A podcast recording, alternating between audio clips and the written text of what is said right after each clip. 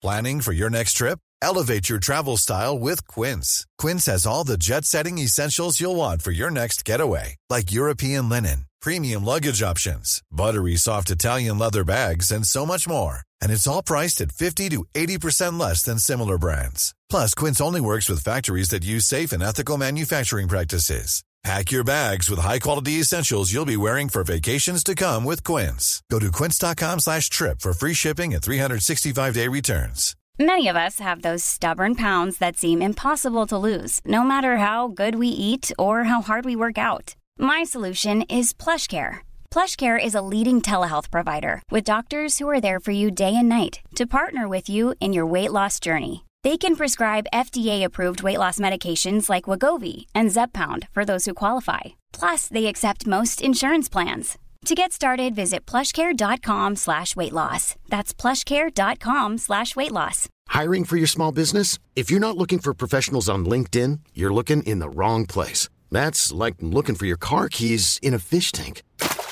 LinkedIn helps you hire professionals you can't find anywhere else, even those who aren't actively searching for a new job but might be open to the perfect role. In a given month, over 70% of LinkedIn users don't even visit other leading job sites. So start looking in the right place. With LinkedIn, you can hire professionals like a professional. Post your free job on linkedin.com slash achieve today.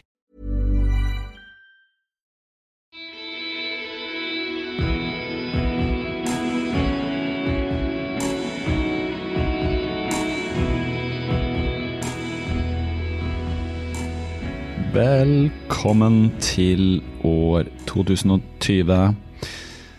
Du har en liten elektronisk dings i lommen din med kanskje noen trådløse gerter som du putter inn i ørene dine mens du løper av gårde, koblet til satellitter utenfor jordas atmosfære. Fantastisk er det. Dette er Kaptare Podcast. Jeg heter Marius Hauge. Vi er i gang med sesong tre. Og glad er jeg for det, fordi nå har det vært uh, en pause. Det har gått uh, sannelig uh, over en måned. Det var juletider sist jeg slapp en episode. da hadde jeg fullført et maraton og tok en pause. nå har podkasten hatt en pause. Jeg har ikke hatt en så lang pause. Jeg har ikke ligget på latsiden. Jo da, jeg har ligget litt på latsiden nå, men jeg har uh, jobbet en god del. Så uh, i dag har vi uh, årets første gjest, Andreas Grøgaard, med oss. Og så kommer det til å gå slag i slag. Har flere innspilt, har navn på blokka, har mailer, tekstmeldinger og telefonsamtaler logget med nye gjester, løpere. det gleder jeg meg stort til. Um, jeg håper du har hatt en fantastisk start på året. Ikke bare bare i januar, mørkeste delen av uh, det hele. Vi vender bort fra solen, uh, denne lille planeten som vi fyker rundt på. Men den uh, tipper sakte tilbake nå. Det går veldig framover dag for dag, merker jeg. Uh, det som hjelper, er jo at det ikke er så beinkaldt ute. Men eh, det som ikke hjelper, er at det er så innmari grått. Hvor er snøen? Hvor er holka fra i fjor? Ikke vet jeg, men det er en, eh, en, eh, vinter utenom det vanlige her jeg sitter i Oslo. Jeg løper rundt på bar asfalt. Det kan jeg ikke huske at jeg har gjort i januar siden jeg begynte å løpe. For en fem-seks år siden. Så det er endringer på gang. Jeg skal ikke gå noe dypere inn på det nå, men ja, vi kan jo øh, kanskje gjøre et par grep øh, med det, øh, om vi har mulighet. Det hadde vært greit å bremse denne oppvarmingen. Og hvis du lurer på hvordan du skal gjøre det, så er det bare å lete litt rundt. Det er lov å forandre seg. Det er det eneste jeg vet. Og det andre jeg vet, er at nå kommer det en prat som handler veldig mye om trening. En god del om maraton. Uh, vi tar det litt fra scratch. Vi er inne på et nytt år. Jeg har uh, hørt fra noen som skal løpe maraton for første gang. Det er kult, det vil jeg si. Um, Andreas er jo en faktisk ganske dreven mann, tross sin unge alder. Har løpt en del maraton, har startet eh, eh, et helt samfunn. Breaking Marathon Limits og Breaking 230 og slike ting, som vi kommer til å snakke litt om. Det tror jeg i det store og det hele er egentlig ganske bra. Uh, fordi uh, mye informasjon fra dyktige mennesker har jeg tro på, så det ikke blir så mye synsing. Nok om det. Uh, vi setter over til studio for en liten stund tilbake med Andreas Grøgaard. Men da er vi i gang med årets 2020s første episode, faktisk, med Andreas Grøgaard. Velkommen. Tusen takk. Veldig gøy at du kunne komme. Det var uh, Vil ikke si uh, ingenting er tilfeldig, som Sondre uh, sa her på podkasten, men uh, Sondre Lerche tok meg med på en løpeøkt som du hadde holdt på å si satt opp på Bislett. Ja. Så jeg fikk, fikk litt coaching av deg, faktisk. Det var en, uh, en, fin dag for løping, det. Mange det kjente og hyggelige fjes. Det var det. Um, så da benytta jeg sjansen å invitere deg. Så veldig kult at du kunne komme. Jeg tenkte vi skulle snakke litt om uh, trening, rett og slett, siden det er et nytt år. Litt om trening, litt om maraton. Uh, du løper maraton. Jeg er fortsatt litt i maraton. Føler meg litt i maratonrus ennå, selv om det har gått en måned. Man føler seg plutselig som en maratonløper når man har løpt to maraton. Ja. Men uh, før vi begynner å snakke litt trening, så hadde det vært gøy å høre litt om din uh, bakgrunn. da. Uh, før vi tar løpebakgrunn Jeg, jeg syns jeg leste at du har studert psykologi, blant annet? Det har jeg. hvis vi skal gå helt tilbake igjen, så jeg pleier alltid å nevne at jeg, jeg er fra, fra Kragerø. eller perlen blant kystbyene, som Edvard Munch kalte det. Så der bodde jeg fram til jeg var 16. Eh, så var jeg bestemt på at jeg skulle bli toppidrettsutøver. Så da jeg var 16, så flytta jeg hjemmefra for å kunne kombinere toppidrettssatsing med generell studiekompetanse i Skien ved toppidrettsgymnaset i Telemark. Uh, og var da der fram til 2011. Før jeg da flytta til Oslo. Så siden 2011 har jeg vært bosatt i Oslo. Mm. Uh, og det var da jeg begynte med psykologistudiene. Så jeg begynte på universitetet, tok en bachelor i psykologi og gikk videre med en master i ledelse og organisasjonspsykologi på BI. Og var da ferdig høsten 2016. Uh, eh, så ja, det er psykologistudiene. Ja. Mm. Er, det, er, dette noe du jobber med nå? Praktiserer? Uh, altså, jeg har vel uh, jeg, har vel jeg har fått bruk for veldig mye av det i det jeg driver med. og jeg fikk også veldig mye Jeg fikk fin erfaring da, i, underveis i studiene. At jeg jobba som privatunderviser, jeg jobba som, uh, som støttekontakt. Uh, men per dags dato så driver jeg med treningskonsultasjon. Så altså, det er jo ikke direkte psykologi, eller kanskje øyet som ser, men, uh, men, jeg får i hvert fall mye bruk for det. da. Mm. Det jeg har lært, det gjør jeg.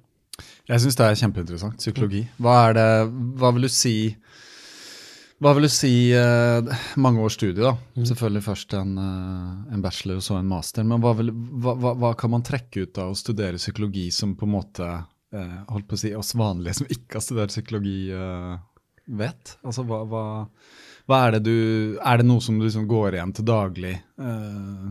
egne tankemønstre, noe du ser hos andre? Ja, Det er klart. altså, Jeg vil si jeg kanskje har, har lært mye om meg sjøl. Uh, så er det litt sånn her Nå har jeg gått uh, uh, en bachelor og sånn master, ikke et profesjonsstudie. Uh, men jeg har skjønt at de som går profesjonsstudie, ofte er Eller iallfall det sies, da. At de har ja, jeg vet ikke hvordan jeg skal formulere det uten at det blir, at det blir stygt. Men når man studerer psykologi, så, så er man interessert i, i, psykologi, selvfølgelig, men også kanskje har sine ja, mentale vanskeligheter og kanskje utfordringer. Uh, så for, men for min del, når jeg har studert psykologi, så har jeg vel jeg har lært mye som jeg uh, ja, kan bruke i ulike settinger. Både liksom for trivsel og sånn i hverdagen, men også i, i veldig mange forskjellige yrkesretninger. Uh, som jeg var inne på, da, at jeg har, har vært privatunderviser og, og, og støttekontakt. Fått mye bruk for det der. Eh, men også når jeg har liksom dyrka mine mer sånn idrettslige interesser. da, Uh, Gjennom jobbing Jeg har jobba på Torshov Sport som butikkmedarbeider. Jeg har, eh, jeg vært så heldig at jeg har fått uh, skrevet litt for, for Kondis, og vært også en del av redaksjonskomiteen der. Jeg har vært reiseleder og instruktør for Springtime. Um, og nå også kunne dyrke den interessen for, for løping da, og psykologi videre gjennom Breaking 230 og, og Breaking Marathon Limits, som kanskje noen kjenner fra sosiale medier. Mm. Um, ja. Mista jeg kanskje litt tråden, men Nei da, men det er uh, god forklaring, det. Uh, ja, det siste du nevnte, uh, Breaking 230. Eh, Jeg tenker jo at uh, det, det har skjedd mye på et år siden jeg starta podkasten.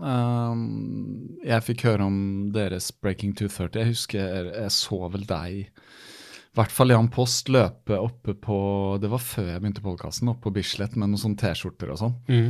Så de løp som gærne, han og noen andre, i 30 runder. Og jeg husker jeg var litt sånn, jeg spurte han om et eller annet da. Jeg var veldig nysgjerrig på det, men nå virker det som det er, det er blitt veldig snakk om sosiale medier. Det ble en podkast med Jan Post, og du har skrevet en del om det, og ja. Mm. Eh, Går det en litt sånn maratonbølge, eller? Over landet? Jeg landet? vil absolutt si det. Det er iallfall sånn jeg har oppfatta det. Uh, det starta som et initiativ uh, der Jan og jeg eh, ja, søk, søkte liksom å, å brekke den herre eh, grensa på maraton 2.30, da, som er eh, Jeg vil kanskje si det er der du skiller eh, en vanlig mosjonist og en supermosjonist. For jeg tror ganske mange har muligheten til å klare det, men det krever dedikasjon, treningsvilje, iver over tid. Og Jan sendte meg en melding på Facebook og var interessert da, i å, å komme seg under den grensa. Det var da like etter at jeg hadde gjort det sjøl første gangen.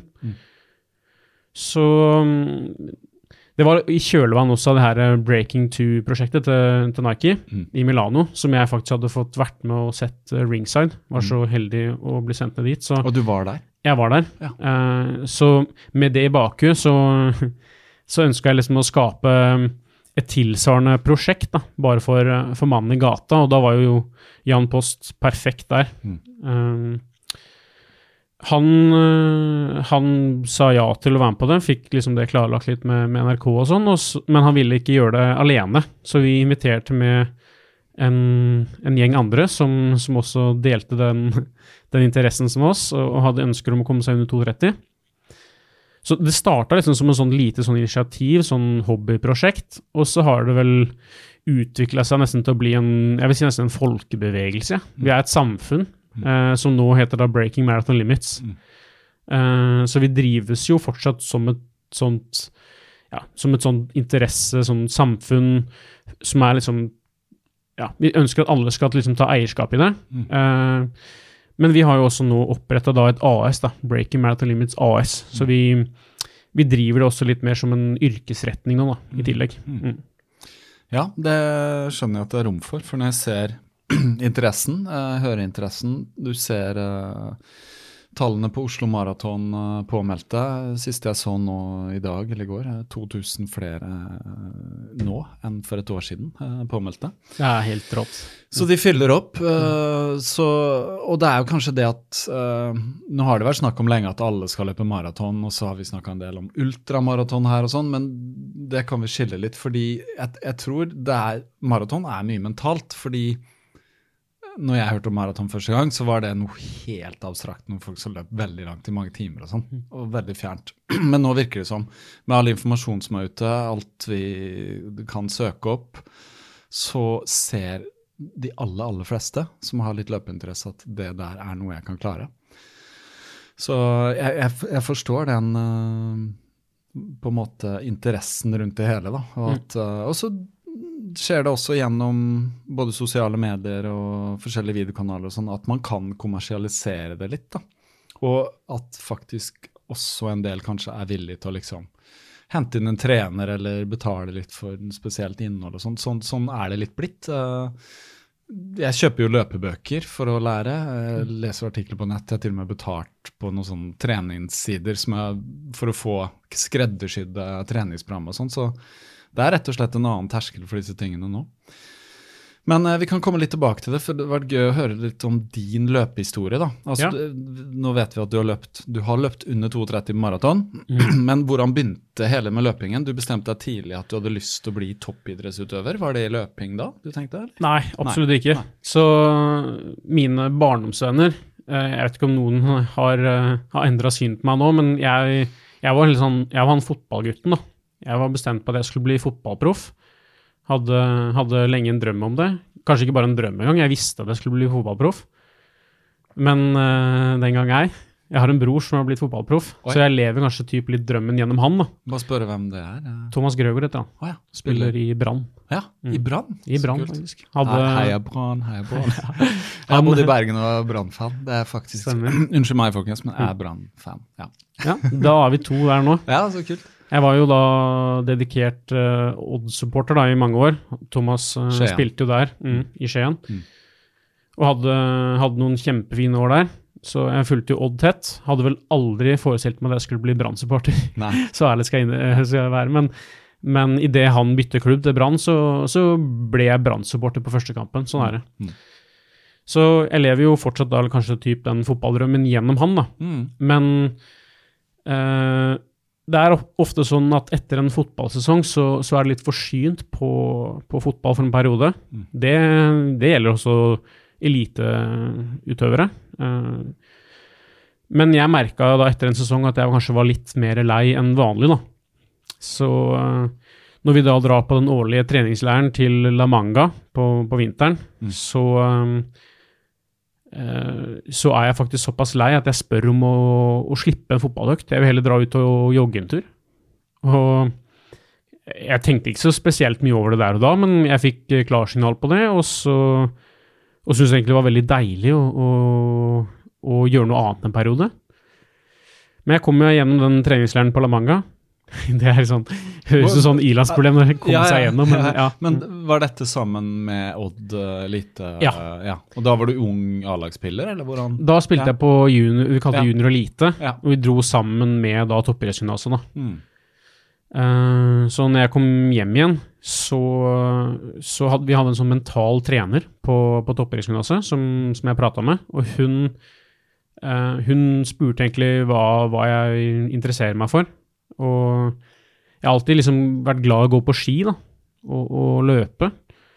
Og det var kanskje en av styrkene mine også på banen, at jeg kunne løpe. Løpe langt. Hvor spilte du den, forresten? På midtbanen. Ja, Det er både- mye løping. Ja. Ja, det er mye løping. Eller selvfølgelig, det er litt uh, hva du legger opp til sjøl, men Ja, ja. Jeg, jeg løp ganske mye. Du ser gode midtbanespillere, de, er, eh, de jobber. Sant? Opp og ned og ja. Så jeg var, ja, det var en av mine styrker. Da, så, så jeg ønska Eller jeg fikk muligheten da, til å, å, å være med faktisk og trene litt grann med sånn utholdenhetsgruppe da, på toppidrett. Mm. Eh, Der du hadde langrennsløpere og friidrettsutøvere. Og det var et kjempefint miljø. Mye mindre miljø enn i, i fotballgruppa. Eh, og veldig engasjerte og motiverende trenere. Så selv om jeg kanskje ikke var på nivå, spesielt ikke teknisk, i langrenn som de andre, så, så tilrettela de for at jeg kunne være med og både føle mestring og idrettsglede i den, den gruppa. Jeg fikk vært med på treningsleir i de dypeste skoger i Finland, faktisk, i en sånn skitunnel. Jeg var med på, på Sjusjøen, og vi fikk også en tur innom Holmenkollen. Fikk sett uh, Northug vinne tremila, faktisk, eh, med skibytte i Holmenkollen i VM 2011. Og ja, den perioden her, så Jeg syns det var så artig. Jeg, jeg, savna aldri fotballen, egentlig. Så det endte faktisk med at jeg fullførte da toppidrettsgymnaset siste året, da, med langrennsgruppa. Og ja, det var Altså, når jeg begynte å trene med, langrenns- altså med utholdenhetsgruppa, så var jeg vel aldri Det slo meg aldri at jeg skulle fortsette der. Det var på en måte en midlertidig greie. Men jeg, når jeg aldri savna fotballen og hadde så glede ved å drive ut Holnet, så, så falt det egentlig bare naturlig å, å skifte, altså. Mm. Så etter videregående så bare fortsatte jeg fortsatte det sporet. Um, det var jo på den tida så, så trente jeg mye styrke også nå. Uh, vi sa vel kanskje litt sånn, uh, litt sånn på spøk når jeg gikk på, på toppidrettsgymnaset at uh, det er jo ingen som løper på stranda. Når vi skulle på vei inn i, i styrkerommet, da, eller kjøttbua, som vi kalte det. Eh, men uh, plutselig så var det Det ga meg noe å, å løpe. Jeg var veldig fascinert fra det, det, altså, det psykiske, det mentale aspektet ved, ved løpinga. Så ja, da blei ble det sånn. Ja, Så da, da, da tenkte jeg at ok, der, der løper jeg. Ja, så hvor begynte det Hadde du lyst til å delta i løp og sånn da? Tenkte du at du Ja. profesjonelt, eller liksom ville, ville Absolutt ikke egentlig, Nei, altså, skal jeg innrømme det. Fordi jeg følte meg vel egentlig ikke som en løper eller noen skiløper, selv om det var i den retninga jeg gikk da. altså. Eh, jeg hadde vel kanskje ikke noe sånn spesielt reflektert forhold til det, men jeg hadde eh, en fetter og en onkel som eh, hadde løpt maraton noen ganger. Og i familieselskap så ble det ofte tatt opp. Eh, den følelsen de har, spesielt når de gjennomfører. Og jeg har jo en onkel som da er, siden han er 50 år gammel, og i løpet av et 50 år gammelt liv så har du spist ganske mange gode måltider. Men jeg husker han altså snakka om den burgeren på Burger King, altså. Åssen det var å spise den etter han har gjennomført en maraton. Og liksom Den følelsen eh, Den ville jeg ha, og jeg skjønte jeg, jeg, jeg, tenkte at eh, hvis, hvis eh, så mange andre kan fikse det, så skal jeg, så jeg kunne gjøre det, jeg også. Så, så jeg meldte meg egentlig på Oslo Maraton i 2012, bare fordi jeg hadde kanskje det å løpe en maraton på bucketlist. da. Det var greit bare å ha gjort det.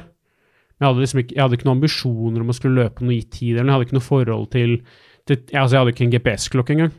Jeg stilte jo på startstreken der bare med ambisjoner om å, å følge en sånn ballong til mål, og hadde hørt om hvor ille den siste mila var og sånn, så ja, jeg, visste- jeg, jeg visste jo ikke hva jeg gikk til.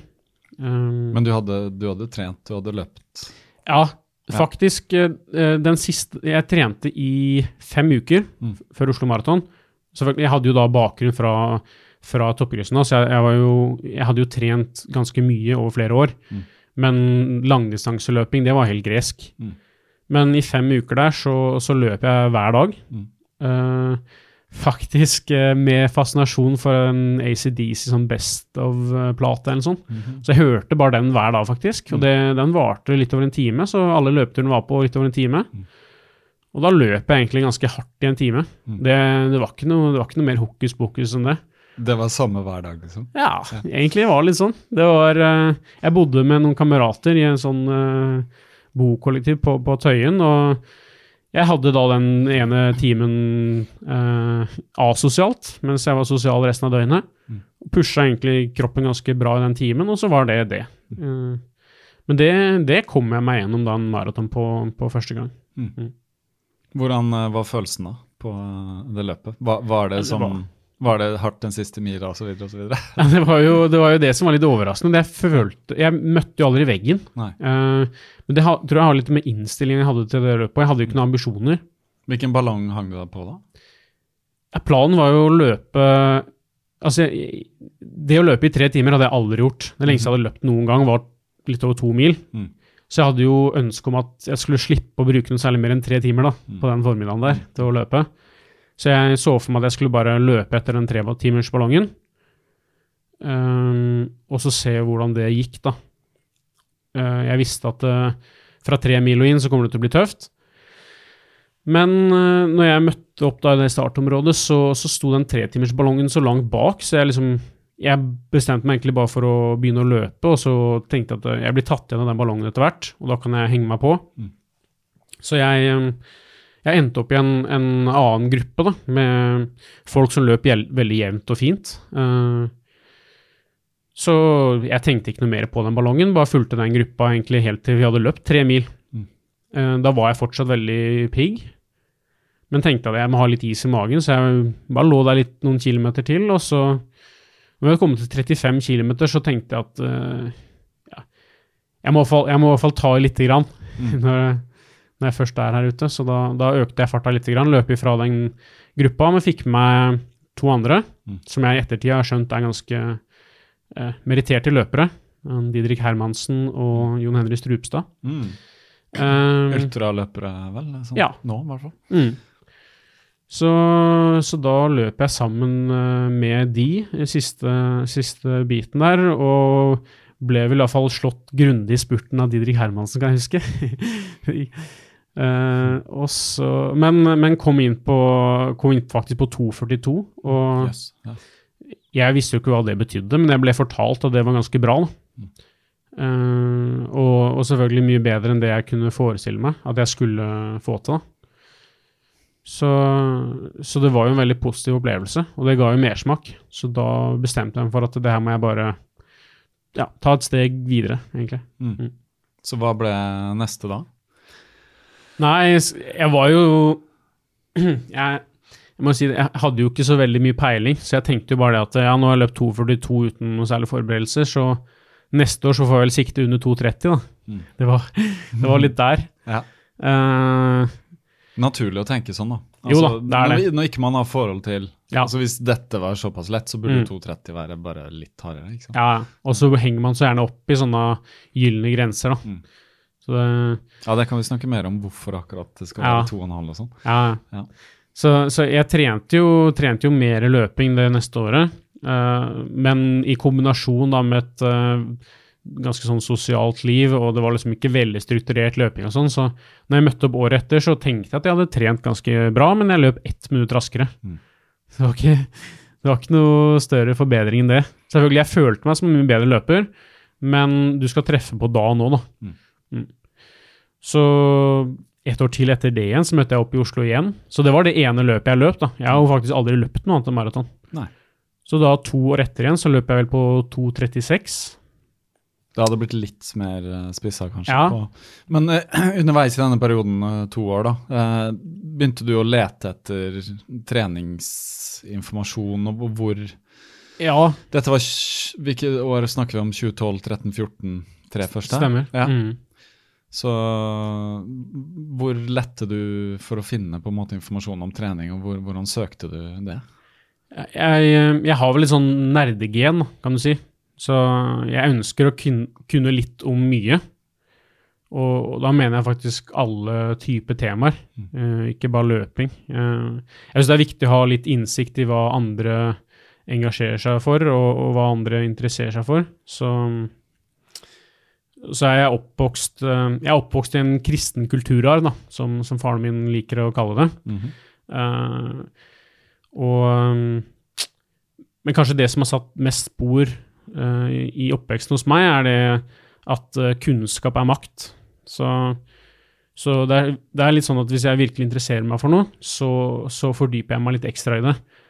Og det, det gjorde jeg med løpinga, så eh, Ja, si fra ja, fra 2013-2014, er ikke helt sikker, så er nok drikke over snittet mange kaffekopper og sitte og nerda litt i, ja, i, i all type altså vitenskapelige artikler, i tidsskrifter og bøker. Jeg, jeg har hørt mye podkaster, jeg har vært på mye foredrag.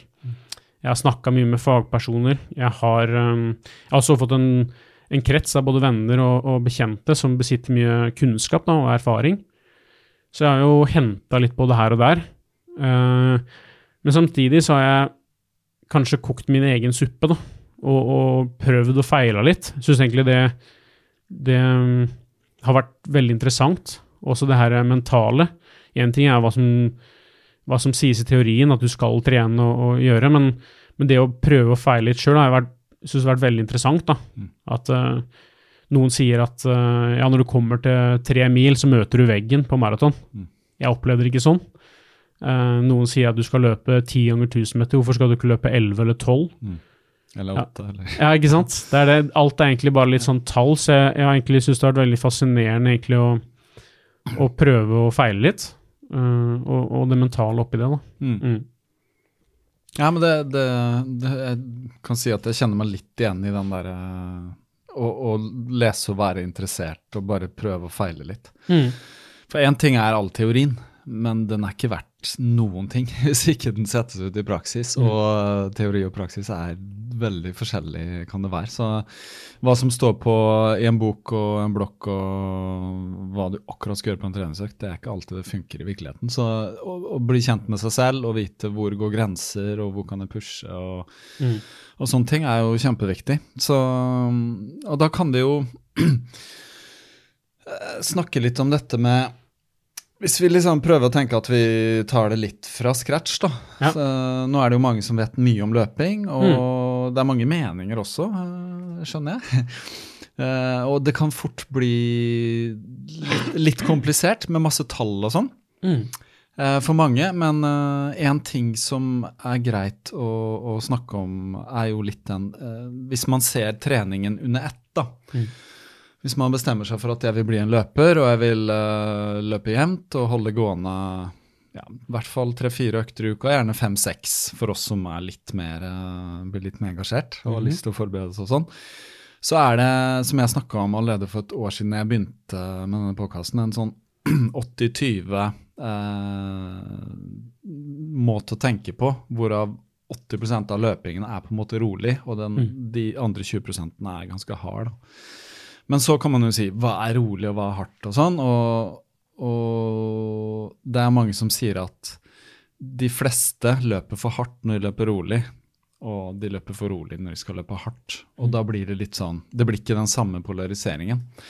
Og det snakka vi om litt før vi begynte podkasten, at 80-20 det er greit å ha som et sånn utgangspunkt. Men så selvfølgelig, hva man putter inn i det, er jo også viktig. Men det vi i hvert fall kan si, er at hvis du løper ehm, ja, som vi sier jevnt, så burde det meste gå på rolig fart. Men når man løper hardt, så kan man ta en veldig hard intervall, og så en, kanskje en hard tempoøkt. Og når man øker mengden, så blir det jo selvfølgelig flere eh, intervalløkter. Samtidig som man putter inn det, det ser du på en god kenyaner eller en norsk eliteutøver eller en amerikaner eller hvem som helst. det. Eh, så etter hva jeg har lest og forstått, så er det, det er veldig sånn etablert i vitenskapen. da, For nå finnes det mye forskning på dette. Blant annet den boka som jeg refererte tidligere, som jeg fulgte treningsprogram i fjor, hvor jeg persa på, på halv, var en som heter 80-20 Running. Og den tar for seg bl.a. en del eh, vitenskap av en som heter Steven Seiler, eh, professor på Universitetet i Agder. Amerikaner, men gift norsk. Og nettopp nå eh, også leste jeg i en eh, Dagens Næringsliv-artikkel Leif Inge Kjelta, som er ved Universitetet Stavanger, forsker på Ingebrigtsen-brødrene, snakker om det samme. Så det er dette som dukker opp. Er det noe som du bruker på en måte når du legger din egen trening og trening for andre? Ja, det er jo noe jeg, noe jeg kjenner til. Ja. Eh, nå skal det sies at jeg jo regner meg sjøl som en novise på, på det feltet her, uansett. Jeg har ikke noe idrettslig studiebakgrunn eller noe sånt, så jeg har lest mye og sånn, men, men uh, ta utgangspunkt i at det jeg kommer med, er litt sånn synsebasert. Og det, uh, så, men, men jeg er likevel opptatt av at det handler om hvilken innfallsvinkel du har til den kunnskapen du besitter. da. Så jeg er nok ikke en øh, Med den kunnskapen jeg besitter, så er nok ikke jeg en, en veldig god trener kanskje for en toppidrettsutøver, men jeg kan fungere bedre for en mosjonist. Mm. Og motsatt vil jo kanskje en, en trener som er svært faglig sterk, fungere veldig godt på en toppidrettsutøver, men kanskje ikke ha den overføringsverdien til en mosjonist, fordi den er vant til å jobbe med utøvere som besitter et annet kunnskapsnivå og har en helt annen hverdag da, enn en, en mosjonist. Så jeg kan kanskje kjenne meg litt mer igjen i en hverdag for en type mosjonist, og, og um, kanskje tilrettelegge i større grad enn at jeg på en måte underviser. Da. Mm. Men det er litt sånn mosjonister vi forholder oss til her, da. Ja, Eh, det er det er det. Så, Mm. Så, det er jo litt sånn, eh, for å ta et spørsmål som jeg hadde skrevet ned her, da. Mm. Hvordan, hvis man vil starte opp som løper, Mm. eh, hvordan starter man opp hvis man vil tenke langsiktig og holde det gående? Ja. Eh, For det er jo mange som Det viser seg Januar kommer. Nei, nå skal jeg. ikke sant? Og så gønner de på, kjører på hardt. Og så viser statistikken Mhm. at uh, ca. tre uker ut, Mhm. så gir de opp. Det ble for mye. De bare peisa på med trening samtidig som jobben begynte, og unga og bridgeklubben og hva vet jeg. ikke sant? Og, ja. Så hvis man vil tenke litt langsiktig, hvordan ville du starta opp? Uh, hvis jeg kommer til deg og sånn Andreas, shit, jeg har uh, begynt å få litt mage og ser 40 nærme seg, og jeg, jeg må løpe maraton til høsten også. Eh, hvordan skal jeg liksom begynne nå i januar? For jeg har god tid. Jeg har åtte-ni måneder. Ti, kanskje. Hva, hva, hva gjør jeg? Utgangspunktet vil jeg si at det er ikke noe hokus pokus. Eh, skal du løpe maraton, så handler det egentlig om å løpe. Sånn er det egentlig opp til ganske høyt nivå. Altså for de aller beste eliteutøverne så, så er det detaljer og struktur, ja, mye planlegging selvfølgelig, men for, for en mosjonist vil jeg si at det, det handler om å ut og løpe, og hvis du løper mye, så blir du flinkere. Mengde er vel kanskje den ja, enkleste veien da, mot å bli en, en bedre løper. Um, så, men det er ikke nødvendigvis sånn at det, å løpe mer uh, er det beste for alle. Det er veldig mange individuelle behov. Det handler om treningsbakgrunn, skadehistorikk, alder, kjønn, uh, sånn ellers um, uh, liksom, hvordan hverdagen din ser ut. Mm. Så det er viktig å ta hensyn til. Så det er vanskelig som um, generelle anbefalinger for alle. Det handler veldig mye om hvem du er, og hva du har gjort tidligere. Um, men det som er avgjørende, er vel kanskje å ta et sånn langtidsperspektiv mm. og skynde seg langsomt. Og få kontinuitet i treninga. Kontinuitet er vel, er vel nøkkelen. Mm. Så ja, det er vel kanskje, jeg kan komme med en sånn brannfakkel om at uh, uh, på mosjonistnivå så, så, trenger nok ikke trening, treninga trenger nok ikke å, å være sånn overveldende interessant eller, eller spesielt vanskelig. Uh, så for, for, mange kan kanskje det høres litt sånn kjedelig ut. da. Du vil jo gjerne liksom få en sånn gulloppskrift, og, mm. og at treninga skal vekke liksom ja, skikkelig fascinasjon og, og interesse. Men, men, jeg tror egentlig på det at det å gjøre det så enkelt som mulig er kanskje den beste veien til målet for, for veldig mange. Uh, egentlig bemerkelsesverdig simpel trening kan gi ekstraordinære resultater. Mm. Faktisk eh, typ noe sånt jeg kalte min, eh, min masteroppgave den gang, faktisk, mm. med den tittelen. Mm. Så mange vil kanskje stille seg kritisk til at jeg trekker en sånn slutning, også på mosjonistnivå, men, men, kanskje nettopp det da, som gjør det eh, ganske interessant også, da, at eh, tilsynelatende så skaper veldig simpel trening gode resultater. Da. Mm. Det har jeg sett igjen eh, blant veldig mange løpere som sier er på et uh, nivå der du kan løpe en maraton på, på fire og en halv, kanskje fire timer, mm. og, og, så drømmer du om å, å, komme under tre timer og 30, eller tre timer og 15, kanskje under tre timer. Mm. Så, så, handler det egentlig om ganske enkle treningsprinsipper. Mm. At du tar ganske store steg da, bare ved å få kontinuitet i, i treningen. Mm. mm. For det som skjer, eh, litt sånn basert på din egen erfaring òg Hvis du får kontinuiteten, så skjer det ting av seg selv. Uh, og det vet vi også rent sånn fysiologisk at kroppen uh, tilpasser seg å løpe. Uh, det går ikke fort. eller det som skjer, er at kondisen kommer jo ganske fort, da. Det merker man. At du, du, fort du tåler å løpe, men det kan være litt annerledes med sånn du vet, uh, muskulatur og hva heter det, uh, joints, altså sener og sånne ting, det bruker jo litt lengre tid på å utvikle seg. Styrke og så Men det kommer, det skjer, sakte, men sikkert. Så å bare holde det gående er jo bare en oppskrift i seg selv. Mm. Men hvis man da har klart å holde gående en stund, uh, og har lyst til å liksom begynner å tenke sånn at jeg er på nivå at nå vil jeg ha opp VO2-maksen og sånne ting. Det er da vi kommer inn på alle disse øktene som er intervaller. da. Mm. Uh, og intervaller uh, Det er også veldig sånn etablert, så vidt jeg forstår. Det må man trene. Og en intervall, hvordan vil du bare definere en intervall, da, hvis det er noen som lurer på hva er en intervall? Altså, det ligger ja. i ordet, men bare enkel sånn definisjon av en intervalltrening. Jeg er veldig glad, i, veldig glad i kryssord. Ja. Så i, kryssordsammenheng så bruker vi intervall som en ja, en begrensa periode, da, kan du si. Så når du løper intervaller, så, så løper du kanskje på en høyere intensitet enn det som er uh, veldig behagelig, men over en begrensa periode. Mm. Uh, og da kan du når du da legger pauser mellom disse intervallene, så kan du opprettholde en ganske høy intensitet eller en høy hastighet over en begrensa periode, uten at du på en måte blir helt, uh, helt stiv da, eller helt utslitt. Så du, du gir jo kroppen en stimuli eh, som er kanskje man søker, da, gir kroppen en, en ganske intensiv stimuli over en begrensa periode uten at du ja, går helt i kjelleren, kanskje. Mm, mm.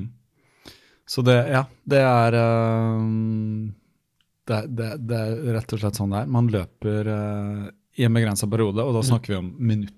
Altså da kan vi Ja, si pluss minus Distanse fem minutter. eller Ja, tid. Mm. Distanse eller tid, ikke sant. Mm. Da er det veldig, ofte veldig greit å bruke f.eks. en 1000 meter, da, en kilometer. Ja. Eller, men det kan jo godt også være et strekk på 800 eller 1200. Og Absolutt. noen uh, ganger så gjør vi som uh, når jeg var med deg og Sondre og en annen gjeng sist, at uh, vi tok for oss Bislett, og så løp vi vel først tre runder Mm.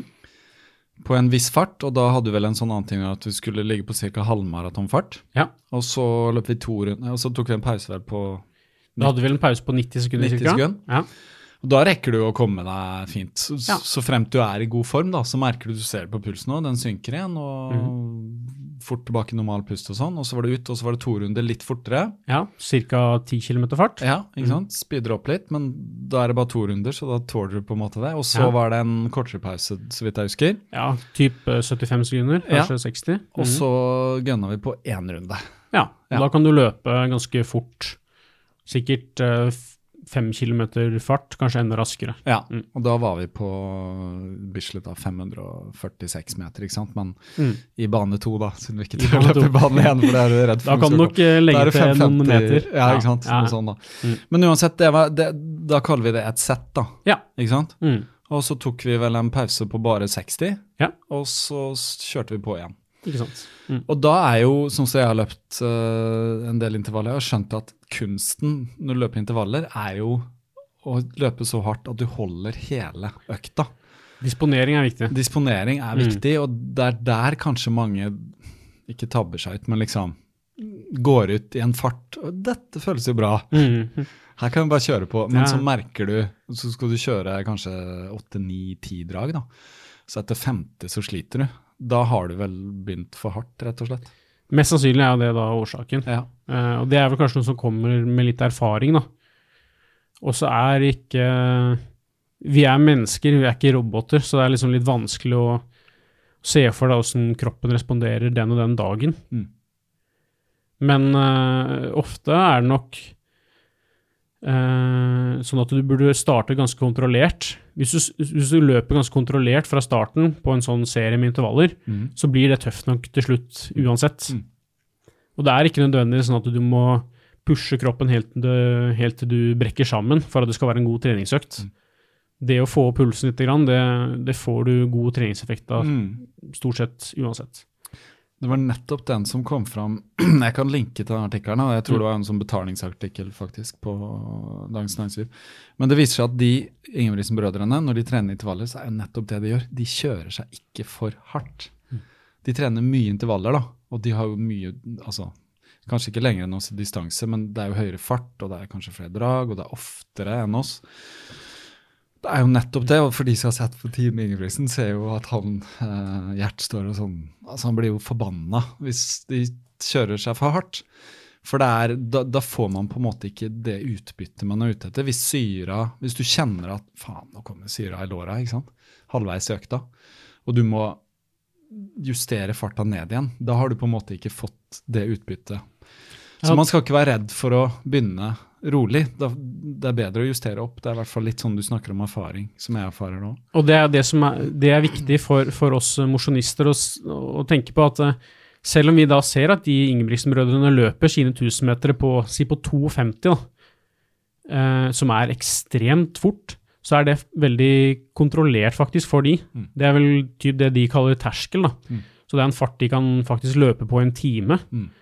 Eh, så det at vi skal sammenligne oss med, med de, hvis de kan løpe så fort, så skal vi også løpe fort på våre intervall. Vi må finne hva som er vår terskel. da. Mm. Så eh, det kan kanskje være fire minutter, Mm. eller tre minutter og 30 sekunder, eller det kan være fem minutter. Mm. Så eh, man må ikke sammenligne kanskje hastighet, men heller intensitet. da. Så selv om de løper kjempefort, så er det ikke så veldig intensivt for de. Nei, det, er- det er godt sagt. Akkurat det der med terskel er jo Mange liksom hva er terskel og sånn, men bare definere terskel som en intensitet du kan faktisk løpe på en time. Det er en veldig fin uh, altså da, da har man på en måte eh, etablert det ganske lett. Så, så selv om man kan løpe på en sånn mølle ned på løpelab og ta syre i fingrene og sånn, som jeg har gjort faktisk, for jeg er såpass nysgjerrig at liksom, hvor er min terskel? Så fikk jeg det vel på en puls, da. Men, så, så jeg kjenner den pulsen, og, men jeg ser jo det at um, noen ganger, sånn som en økta med deg, uh, så gikk jeg over terskel. Og da var jeg rett og slett bare Jeg skjønte fordi at Altså, farta føltes grei, men jeg skjønte at jeg er bare litt ute av form. For jeg har ikke løpt noe særlig de siste ukene. Jeg har fullført maraton og vært litt på latsiden. Så da måtte jeg justere etter det.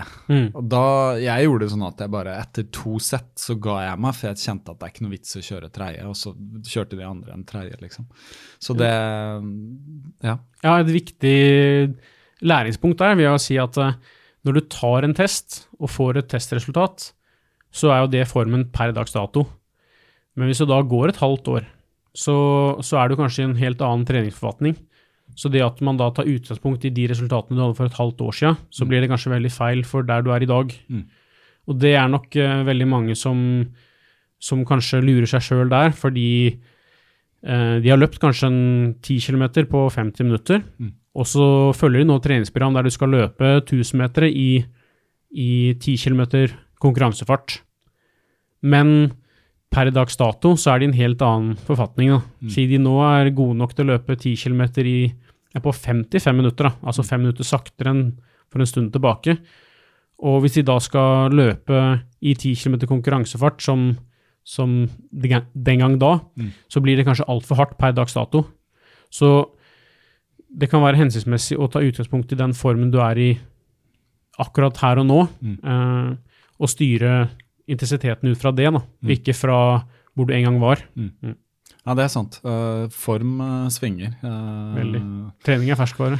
Veldig ferskvare. ikke sant? Du merker det hvis du er ute enten med sykdom eller en liten skade noen uker, eller har hatt et maratonløp og velger å bare ta en liten pause, da, sånn som jeg gjorde nå rundt jul, og sånn, så merker jeg at det etter tre uker, fire uker, så var den formen noe helt annet enn halvannen måned før, da, eller to måneder før. Så det er veldig ferskvare. Men eh, Og så kommer flere ting inn. Eh, dagsform. Altså, har du, hvor tøff uke har du hatt? Eh, sov du godt i natt? Altså, brygger du på noe? Alt sånne ting. Så, så det er mye som spiller inn. Så, så alt handler om å bare kjenne litt på det. For at når vi snakker om puls og fart og sånn, en ting vi glemmer litt, er løpet på følelsen, kanskje. Eh, og det er eh, noe jeg vil si at uh, er, som jeg erfarer det helt personlig, veldig viktig å kjenne etter. Og ikke liksom glo på klokka. Søren, nå ligger jeg på 4.30 fart her på denne draget, og jeg trodde jeg lå på fire blank, liksom. Mm. Men det føles hardt. Ergo er det hardt. Altså Sånn som du oppfatter i kroppen, er jo en veldig sånn direkte tilbakemelding. da. Også en ting til som du kan sammenligne på følelsen, det er uh, pust. Mm. Altså hvis du altså, Jo hardere man løper, jo hardere puster man. Så hvis du føler at du mister litt kontrollen på pusten og må begynne liksom snappe litt etter et oksygen, og sånn, så er det kanskje også litt for hardt. Altså. Mm. Jeg hører ofte på folk Hvis du løper et løp sånn som halvmaraton og maraton hvor det går litt sånn rolig i begynnelsen, så hører jeg ofte på folk som løper rundt meg, hvordan de puster, og da vet jeg om de vil holde hvor lenge de vil holde. For at de som virkelig puster tungt første halvtimen, de har nok begynt for hardt. Du skal kunne puste ganske Er det noe du tenker på, eller? Med Ja, eh, med de Eller både, både for min egen trening og for de utøverne jeg følger opp, så, så jobber jeg heller med en intensitetsskala, da. Si en skala fra én til ti. Eh, som er en subjektiv tolkning av hvor tøff en trening er, da. Mm. Så istedenfor sånn som den intervallen når du var med på Bislett med, med Sondre Lerche, dere skal løpe tre runder, to runder, én runde, og så på nytt igjen, tre runder, to runder, én runde. Istedenfor at jeg da sier de løper tre runder på 4.30-fart, to runder på 4.15 og én runde på 4 blank, Mm. så sier man heller typ Du tar utgangspunkt i det som er en sekser på skalaen på de tre rundene, en syver på skalaen på to runder og åtte på én runde. Mm. Eh, da vil du også ta høyde for dagsformen og altså den, den forfatningen du er akkurat den dagen. da. Mm. Så en dag så vil jo da en intensitet 6 på, på den trerunderen tilsvare 4.30 fart, mens en annen dag så vil du kanskje føle deg mye bedre eller mye dårligere. Mm. Så hvis du da tar utgangspunktet i den intensiteten, så tror jeg du får en mer hensiktsmessig økt. da. Det er lettere å, å, gjennomføre økta på den planlagte måten, og kanskje få den treningseffekten du er ute etter. da. Mm. Mm. Ja. Mm. Ja, det er, det er, godt sagt. Så ja um, For det har vi kommet Jeg har skrevet litt sånn uh, Hva er hardt, og, og ja. hva er er egentlig rolig, og sånn. Uh, det har vi kanskje dekka litt uh, i det du har sagt nå, fordi Men når det kommer til maraton, helt spesifikt, hvor lang tid vil du si at det tar å trene seg opp til en maraton hvis man ikke har løpt mer enn ja, La oss si at uh, et parkrun på fem kilometer har du klart å fullføre, og det syns du var så vidt, liksom.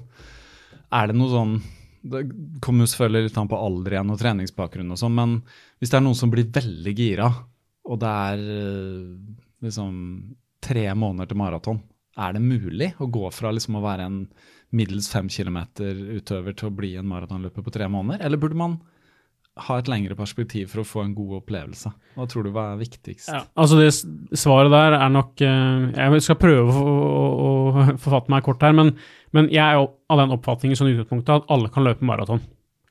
Uh, og da også kalle seg en maratonløper, om de ønsker det. Uh, men det er klart at det er forskjell på ambisjonen er å gjennomføre, eller om det er å, å, løpe på en bestemt tid. Og har du ambisjoner om å løpe på en bestemt tid, uh, så er det klart at, uh, at det er kanskje uh, det, det, det, kan ta litt lengre tid, da, i hvert fall hvis du har høye ambisjoner, mm. som, som, veldig mange har. Og, og, både treningsbakgrunn, som vi var inne på, da, altså skadehistorikk, alder og sånt, kan ha, ha, mye å si. da. Men um, skal du, skal du, virkelig få en fin opplevelse med en maraton, så, så, krever det at du, du, kanskje løper ganske mye over, over tid, da. Mm. Uh, samtidig så var det sånn første gang jeg løp, da, som jeg sa, at jeg, at jeg trente ordentlig i fem uker og fikk en kjempefin opplevelse. Og det, det tror jeg veldig mange vil kunne gjøre. Mm. Men du hadde også en veldig Altså, du hadde trent over mange år, da. Helt klart. Så kroppen din mm. tålte jo det, helt tydelig. Ja, ja. absolutt. Så, men på da For en mosjonist som skal, skal, løpe en maraton, så vil jeg jo si det at uh, muskulær utholdenhet er det desidert viktigste. Altså bare det å kunne tåle å løpe mye, og gjerne da på, på hardt underlag. Mm. Så det her å skulle løpe f.eks. fire-fire intervaller, som vi er så opptatt av i Norge, mm. og få et veldig høyt maksimalt oksygenopptak, det er kanskje ikke så viktig for en mosjonistløp løpe maraton, for du vil jo du vil jo sjelden ligge så veldig høyt i puls underveis i en maraton. Da har du mest sannsynlig gjort noe gærent underveis. Altså, mm. du, du, skal heller ligge på en ganske kontrollert puls over lang tid. da. Mm. Så det å bare tåle å løpe mye er nok det viktigste, og det, det krever jo da selvfølgelig at du, at du har ganske god tid. Mm. Kanskje et halvt år. Mm. For den andre kanskje et år. Ja. Mm. Jeg vil, vil, si også det at uh, hvis noen hadde spurt meg det spørsmålet, så har jeg sagt Altså, tenk i hvert fall et halvt år. Mm. Helst lenger òg. Det er ikke noe Altså sånn det, Jeg vil tro at det er bedre å være veldig godt forberedt til maraton enn å være sånn skynde seg å bli forberedt. Absolutt. Fordi selv om vi snakker mye om maraton, så skal vi ikke undervurdere halvmaratonet, som jeg kanskje er sånn mitt favorittløp, egentlig. Det er nok en vesentlig sunnere distanse for ja. de aller fleste å løpe. Ja. Og selv, det, det har kanskje fått litt sånn Kanskje det er litt sånn stygg betegnelse at dette er halvmaraton, mm. for da liksom du gjør det halvveis. Men, mm. men uh, vi burde kanskje heller kalt det noe annet, for mm. det, er en, det, er en, fantastisk fin distanse. Det er det. Og for min egen del så, så fascineres jeg egentlig mer av de som gjør det ekstremt godt på korte distanser. Mm. Altså det her å beherske mm. en 1500 meter løp, altså en 1500 meter løper som vi har noen nå i, i verdenstoppen. Mm det jeg syns er ekstremt fascinerende. Det er ikke sånn at du må løpe maraton for at det skal være en uh, Altså at det skal være utrolig imponerende, at du løper lenger. Det å løpe fortere på korte distanser blir jeg nesten ofte um, mer imponert av. Altså. Mm.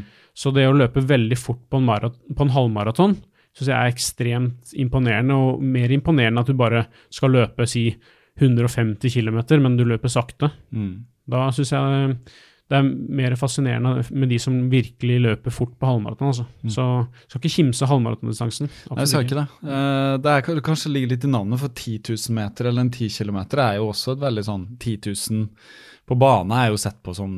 Det er bare de virkelig erfarne som mestrer, da. Eh, selvfølgelig de andre distansene også, men eh, 10 000 er sånn Du må bli litt dreven, liksom, som løper, og så går det gjerne opp i distanse. Men halvmaraton er en sånn Det er dobbelt av ti, da, pluss én. Mm. Og det er langt nok, altså. Men for meg er det en fin Det er en fin løpe Et løp som er, Det er en veldig fin tid å løpe på liksom halvannen time eller 1,45. Det er noen som løper på 1,14 og sånn, men det er en sånn fin tid å være ute og løpe. For maraton er jo for de fleste fryktelig lenge å løpe.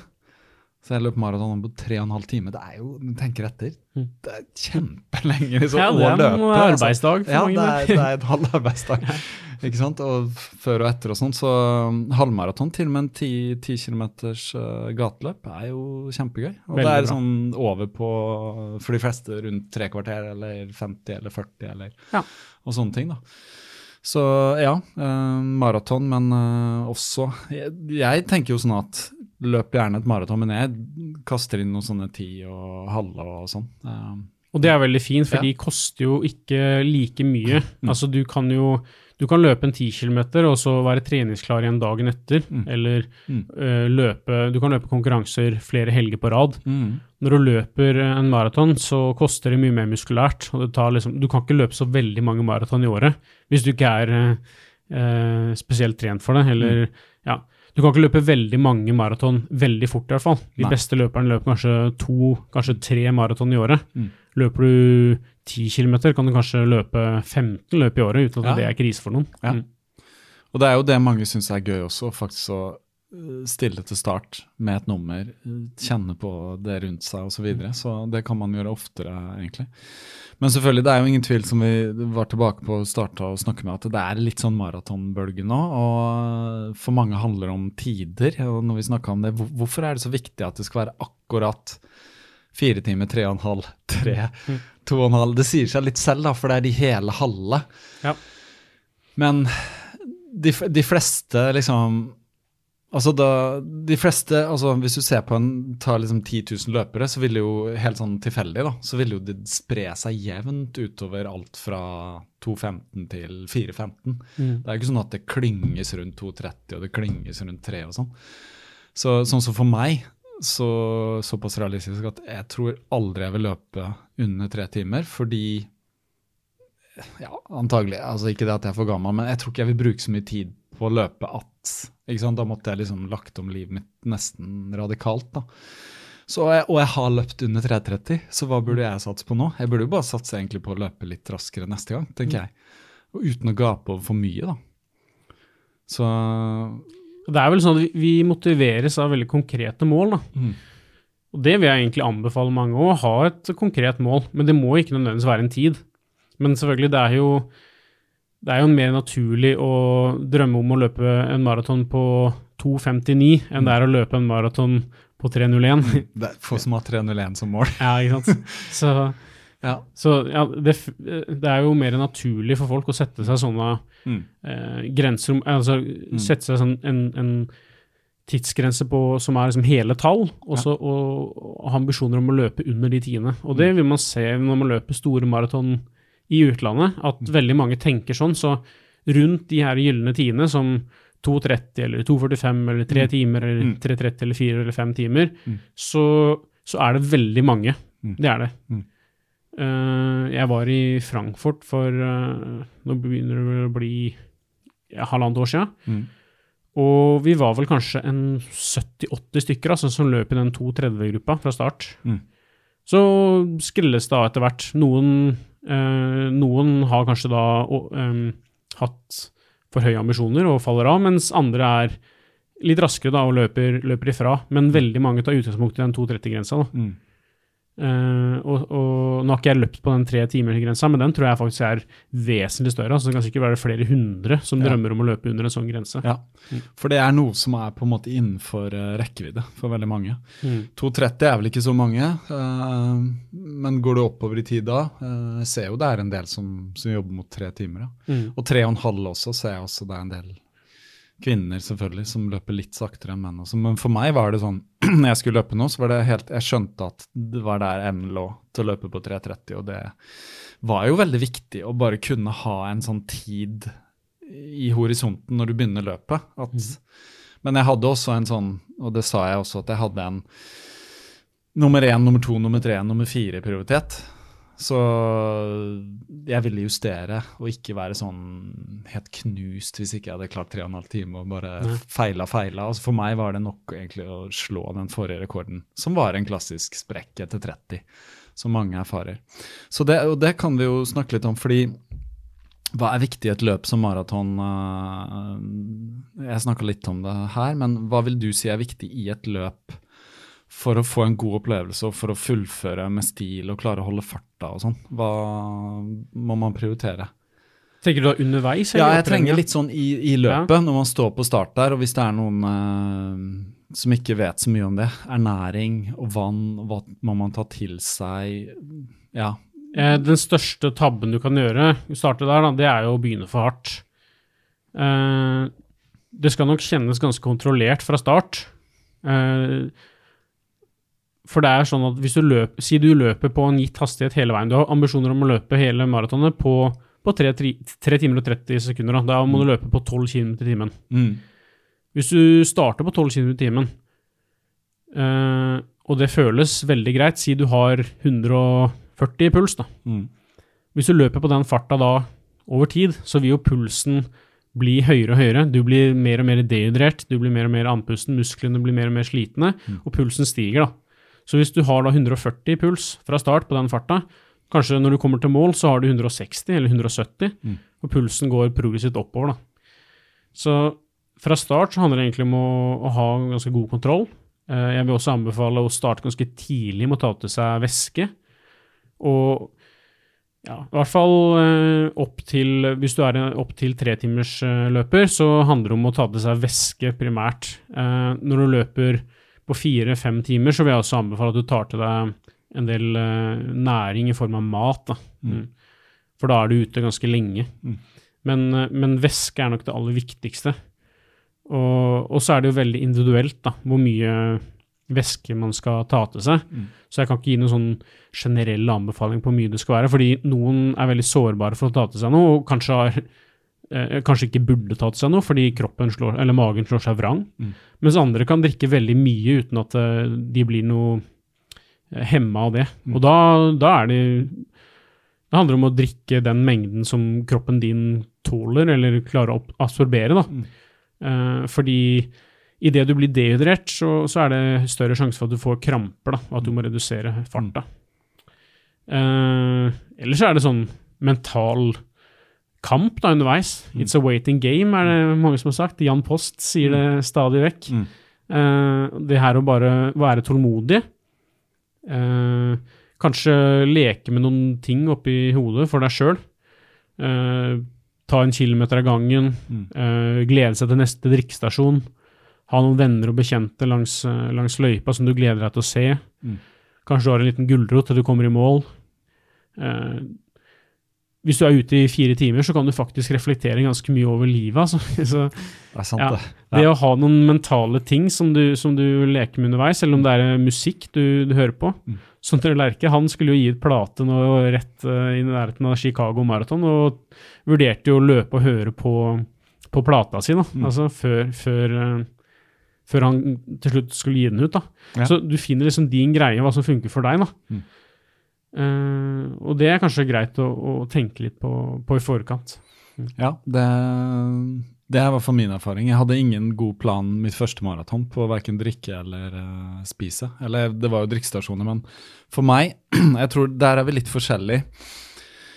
Noen trenger eh, en del sukker underveis. Det har jeg skjønt at jeg gjør. Eh, Det tror jeg har litt med forbrenning i å gjøre òg. Hvordan du forbrenner og sånn. Eh, Og noen er bedre på rett og slett fettforbrenningen og må ikke ta så mye til seg. Og løper kanskje fortere. Ja, men begrensa med sukker i kroppen, det vet vi at vi har. Så handler det litt om hvor mye henter du fra de reservene. Men å bare for min del å spise underveis i form av gels, det merka jeg at utgjør en kjempeforskjell fra mitt første til mitt andre maraton. Så jeg vil si at var eh, den grunnen til at jeg klarte å holde farta. Da. Og for meg var det ikke det som eh, Altså, jeg var ikke sulten eller hadde behov for noe på slutten. Det er rett og slett muskulært, da. Så, og det er vel kanskje der grensa går for de fleste. Når du kommer til 5, 6, 37, så er vi alle veldig kjørt i beina. Så er det noen Når du skal trene, da, er det økter eller ting du bør tenke på i treningen som gjør den muskulære utholdenheten bedre? Er det visse liksom intensiteter vi burde ligge på på langtur? Er det styrkeøkter vi burde kjøre? Liksom, Det er kanskje ting. litt av hvert, da. Mm. Men, men øh, det handler jo om å løpe mye. Mm. Så den viktigste egenskapen er å kun, kunne tåle å løpe langt. Så skal du løpe en maraton, så, så må du også øve på å løpe langt på trening. Og um, det kan du gjøre på flere forskjellige måter, selvfølgelig, men det å ha noen turer i en opptreningsperiode som Det må ikke nødvendigvis være en maraton, men det å kunne løpe I starten kan en langtur være 15 km. Mm. Etter hvert kan det være 20, 25, 30. Mm. Men du har noen økter på, på 30 km i beina før du går på maraton, så, så reduserer i hvert fall sjansen for å gå på en smell. Da. Mm. Eh, selvfølgelig eh, løper du Altså, du kan jo oppnå 30 km på en dag ved å løpe 20 km på formiddagen og 10 på kvelden. Mm. Litt sånne ting også går an å, å, å løse det på. Mm. Eh, Ja, for det, det er sant. Det er sånn vi tenker veldig ofte at å, langturen, ikke sant. Mm. Eh, jeg tar fri lørdag, for jeg skal være uthvilt i morgen, og så må jeg løpe 32 eller opp mot 35 eller noe sånt. Men eh, det kan være vel så greit å løpe La oss si da på lørdag at man eh, løper hjemmefra, ned i Tøyenparken, løper en parkland, løp, løper hjem igjen, og så har du kanskje, hvis du bor i nærheten, da, fått en 12-14 km i beina. Uh, det var kanskje litt mye. da var du ikke i nærheten lenger. Det er fem kilometer i parkland. La oss si du får en tiend, da. Du har 2,5 km ned til Øyenparken og retur. Og så løper du 22 søndag, og da har du 32 på to dager. For du starter jo da på en måte søndagen med noen kilometer i beina. Og det er det jeg vil si at jeg gjorde også noen ganger, at det sto 32 på blokka, men så var jeg ute en tur på lørdag, eh, og så løper jeg også søndag. Så jeg fikk liksom kanskje 35 da, på to dager. Og det merka jeg at da, da hadde jeg søndag, da, så kjente jeg at nå er det mye mengde, og da kanskje avslutta uka på over 70 km. For all del, det er nok viktig å ha noen langturer som er liksom Det er en sammensatt Den økta er så og så lang. Men som vi var inne på tidligere i praten, at det, det er jo det langsiktige perspektivet som er viktig. Så om du løper 35 km én dag, men så, så er du så sliten av det at du ikke orker å trene på en uke igjen, eller to uker, Mm. eller du blir skada, Mm. så har du på en måte Da går jo vinninga litt opp i spinninga. Mm. Så du må skynde deg litt langsomt, og så kanskje tenke langsiktig. Over en lengre periode skal jeg løpe så og så mange kilometer. Hvordan kan jeg nå det på best mulig vis? Mm. Mm. Med overskudd, da, og uten å unngå Eller med å unngå skader. da. Ja. For jeg ser det sånn som eh, eh, Nå husker jeg ikke om Vi snakka om det før påkastet begynte, men vi har ikke snakka om hun uh, Vienna Søyland Dale, som gjorde også en sånn uh, Hun er skjalgløper med NM-gull på 10 000 i 2017, blant annet. Hun hadde gjort en uh, undersøkelse på de som løp Oslo Maraton, og der viste det seg at mengde var det som avgjorde sluttiden. da. Eh, mer enn hvor mye intervaller de løp. Altså De som løp veldig mye intervaller, løp ikke noe bedre enn de som løp få. da. Men det var mengden som var avgjørende. Og Det er sånn jeg har sett på bekjente av meg også, som løper jevnlig, men kanskje ikke løper så veldig ofte over 30. De løper veldig bra på maraton, altså. Men det er det at de, de har den der, de, de er vant mye løping, og kunne løpe mens du er sliten, for det er jo noe du må trene på. Og selvfølgelig, som du sier, det er jo viktig å få seg noen turer over 30. Det er det. For du må kjenne litt på hvordan er det å løpe i altså 30, Ta tre timer, da. Mm. Men du trenger ikke løpe en maraton for å kunne fullføre. Og det gjelder jo halvmaraton òg. Jeg husker mitt første halvmaratonprogram, så stoppa langturen på 18. Og jeg var sånn Jøss, skal man ikke løpe lenger? Så sa han bare nei, du skal bare Det blir annerledes på løpsdagen uansett, for da ja, da har du litt ekstra i tanken, og du har liksom eh, det vi snakker om som heter tapering. da, Du har trappa ned. For det er jo også ganske viktig, ikke sant? Uh, hva kaller man det når man kjører opp i mengde, mm. og så slipper man ned? Altså nedtrappingsperiode. da. Nedtrappingsperiode. Forberedelsesperiode. Ja. Mm.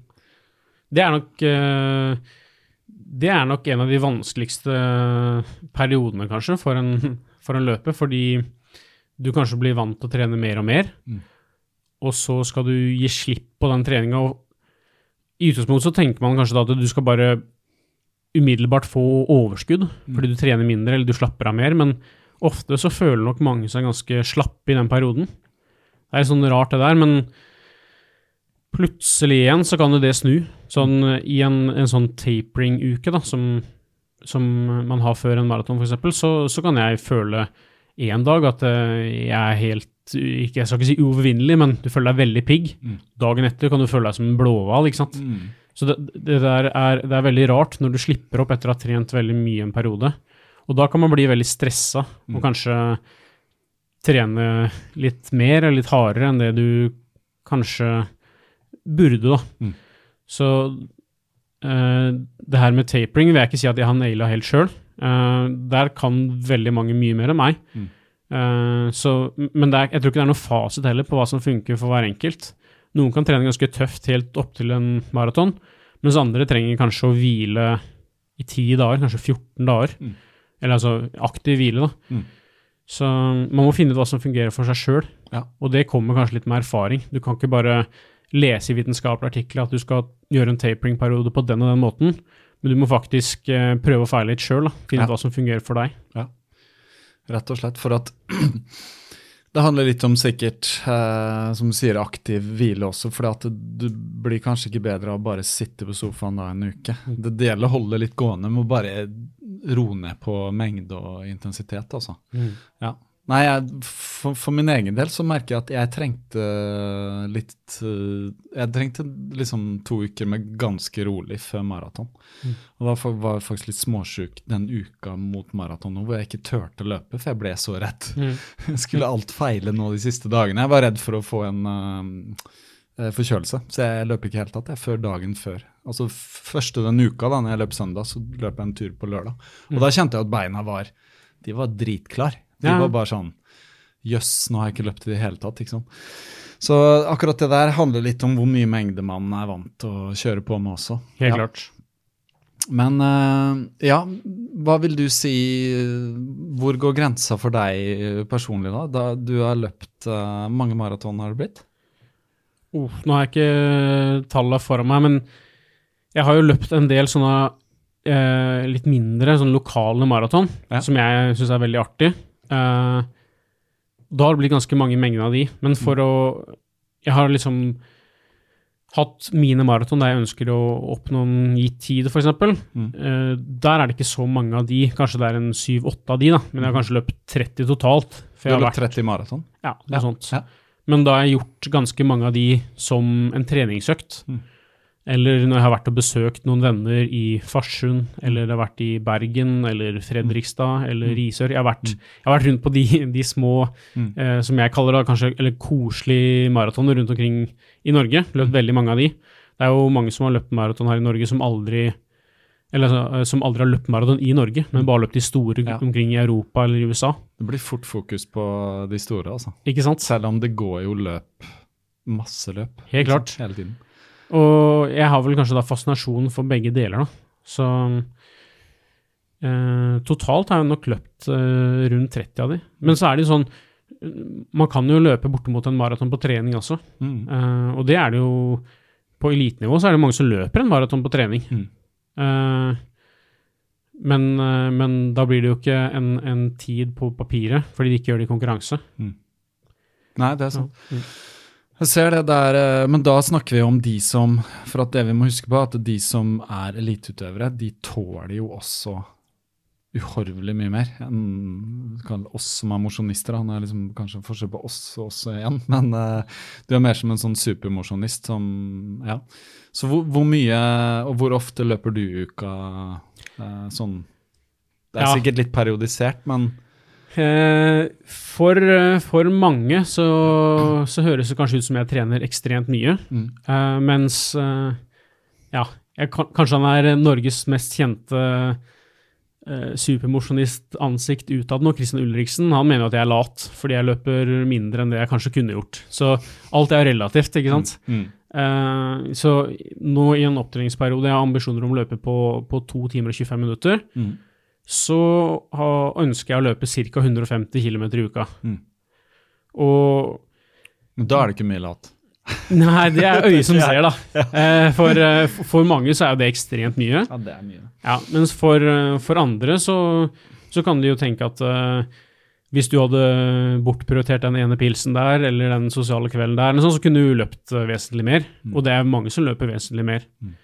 Uh, men jeg har funnet ut at uh, det, er, det er, sånn fint, sånn, det er en fin terskel for, for meg å oppnå det. Mm. Og det tror jeg også vil kunne ta meg til de nivåene jeg ønsker, og det jeg ønsker å oppnå med løpinga mi. Mm. mm.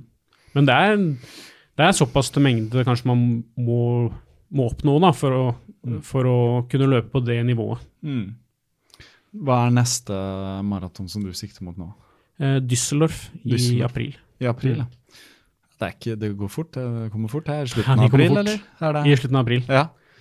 Er det samtidig sirkus med uh, London? Er ikke det i slutten av april? Det er samme dag, tror jeg. Det er samme mm. dag, ja. Mm. ja. Det, men du, du, velger altså Nå vet jeg at London er ikke bare bare å komme med på. Det er vel litt sånn som Nei. New York det, og Berlin. Det begrenser seg. Har, har du løpt i London, eller? Aldri, Nei. men jeg har jo flere venner og bekjente som har løpt der. Ja. Og jeg har skjønt at jeg, jeg må jo dit en dag. Ja. Absolutt. Men eh, nå de siste fire-fem åra så så har jeg har en, en, gjeng med familie og venner som, som drar på en sånn vårmaraton. Vi trener mot, en, mot et, et, samme mål om våren. Mm. Og det er ikke så lett for hele gjengen å få plass i London. Nei. Så da velger vi en Vi har vært flere ganger i, i Rotterdam, da, mm. som også er typ samme perioden. Mm. Og hatt veldig glede av det. Og der får man plass, bare man er tidlig nok ute? Ja, ja, det vil jeg si du får. Ikke sant. Ja, og det er jo, når det er sagt, altså vi kan snakke om New York og fantastisk og London og Berlin og sånt, men det er jo store gateløp i de byene i Europa. Altså Du mm. får jo en følelse av at det er virkelig altså Bare meg som løp Malaga med 7000-8000, jeg syns jo det var det var jo storveis. ikke sant? Løp en europeisk ja. by og masse folk og Jeg prøver ja. å løper gjennom en stor by. Det er ja, dritkult. Ja. Det er kjempekult å løpe her i Oslo. Ja, det er det. Mm. Jeg gleder meg til å prøve meg på hæl. Jeg skal mm. gjøre det til høsten. Jeg har bare løpt halv, men uh, selvfølgelig det er tøft når du skal løpe to runder. Mm. Men det er jo mest psykisk. Altså Det er sånn Det er jo gøy å løpe i sin egen by. Er sin hjemby. Ja, det er det. Mm. Så anbefaler alle å prøve, prøve, seg i Oslo. Nå ser det ut til at det blir eh, Det ligger i hvert fall an til rekord, rekordantall. Så, og det er jo en folkefest. Det er jo bare de som er litt sånn grumpy, som syns det er kjedelig at det er så mye folk. Ja, Det er et kjempefint arrangement og et ja. uh, fantastisk uh, tiltak for folkehelse generelt. Mm. Så de som er liksom De som blir sure av at uh, sentrum stenger seg en dag for at vi skal dyrke folkehelse Ja, ikke sant? Ja. Nei, Det syns jeg er smålig. Ja. Jeg syns det er et fantastisk bra arrangement. Det er en utrolig god arrangør. Mm. Det er en folkefest, som du sier. Mm.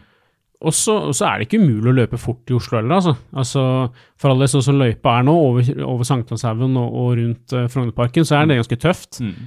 Men er du en habil uh, uh, motbakkeløper, så kan du løpe fort i Oslo. Og sånn ja. løypa var før, så var jo faktisk den utrolig rask. Ja. Når du bare skulle rundt Tøyenparken. Ja. Men da klaga også folk på at vi måtte rundt Tøyenparken. Ja, det var jo et fjell. Ja. Eller ja, Botanisk hage var det faktisk. Ja, Botanisk hage. Jeg løp den løypa også på halv gikk helt fint. Jeg husker jeg persa Den forrige persen jeg satt på, på halv, var den løypa der. Og mm. det tok lang tid før jeg slo den. Det tok mange år, faktisk. Så det er ikke noe Altså, vi er så redd hvis det skal være så paddeflatt og det skal være så få mm. svinger og sånn. Vi, vi overdriver litt, mange av oss, når vi blir sånn Ja, satser på de flate. Men eh, det er det, da. Har det kanskje blitt litt sånn at man kan smykke seg litt med disse tidene, da. Mm. At, uh, og da er det sånn jo fortere, jo bedre. Fordi jo færre som er raskere enn deg, jo kanskje bedre er det for sitt eget ego. Ja, det, det blir klart, litt sånn. Når ja. du løper en maraton, Og om du løper maraton i Oslo på fire timer, eller om du løper i Berlin på fire timer, som er en vesentlig flatere løype, Mm. så har du likevel løpt maraton på fire timer. Mm.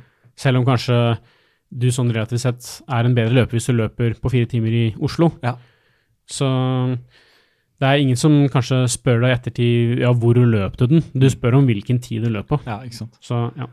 Skal vi ikke glemme at også når vi, hvis du deltar i et sånn gigantmaraton med sånn 30 000-40 000 og 50 som det er i New York og sånn, hvis du ikke løper så fort, så, så er det ganske mange mennesker rundt deg. Det går ikke fort i begynnelsen da. Det er en stor mengde mennesker som skal faktisk settes i gang. Så det er kanskje det at løper du et mindre maraton, så er det litt mer rom rundt deg, og du kan For det, det merker man jo relativt stort Oslo-maraton, men det er jo den første kilometeren, altså jeg har bare løpt halv der, da, så er det jo mange rundt deg. Det er ikke du som bestemmer farta da. Eh, hvis ikke du er flink til å komme langt nok fram, da. Men jeg har jo observert at det er mange som er litt for ambisiøse på hvor de eh, plasserer seg. Jeg ser det er mange som legger seg langt fram som ikke har noe der å gjøre, og det går veldig sakte, og du løper forbi veldig mange og sånn. Så man kan godt være litt mer konservativ på det, eh, rett og slett. Ja. Men jeg tror, har ikke vi kommet gjennom ganske mye Jo, jeg av tror det vi eh, planla på forhånd nå, Andreas? Så ikke folk blir, eh, blir drittlei av den stemmen. Nei. Så er det greit å runde av etter hvert. Jeg tror eh, det går bra. Altså, noen ganger har vi holdt det gående vanvittig lenge på den podkasten, men nå har vi snakka en del om maraton i dag, og det er liksom eh, Det er en del ting man kan snakke om, men man kan jo snakke om det også i helt evig, evig lenge. Også, det kan man, men eh, du satser i hvert fall nå på Düsseldorf. Eh, er det 2.25? Ja. Ja. Og du har vært skadefri og fått en bra, hatt en fin periode over lang tid, eller? ja. Ja. Nå, nå trives jeg veldig godt med, med det jeg driver med. Ja. Jeg tror jeg er eh, noenlunde i rute. Ja. Eh, så det blir spennende.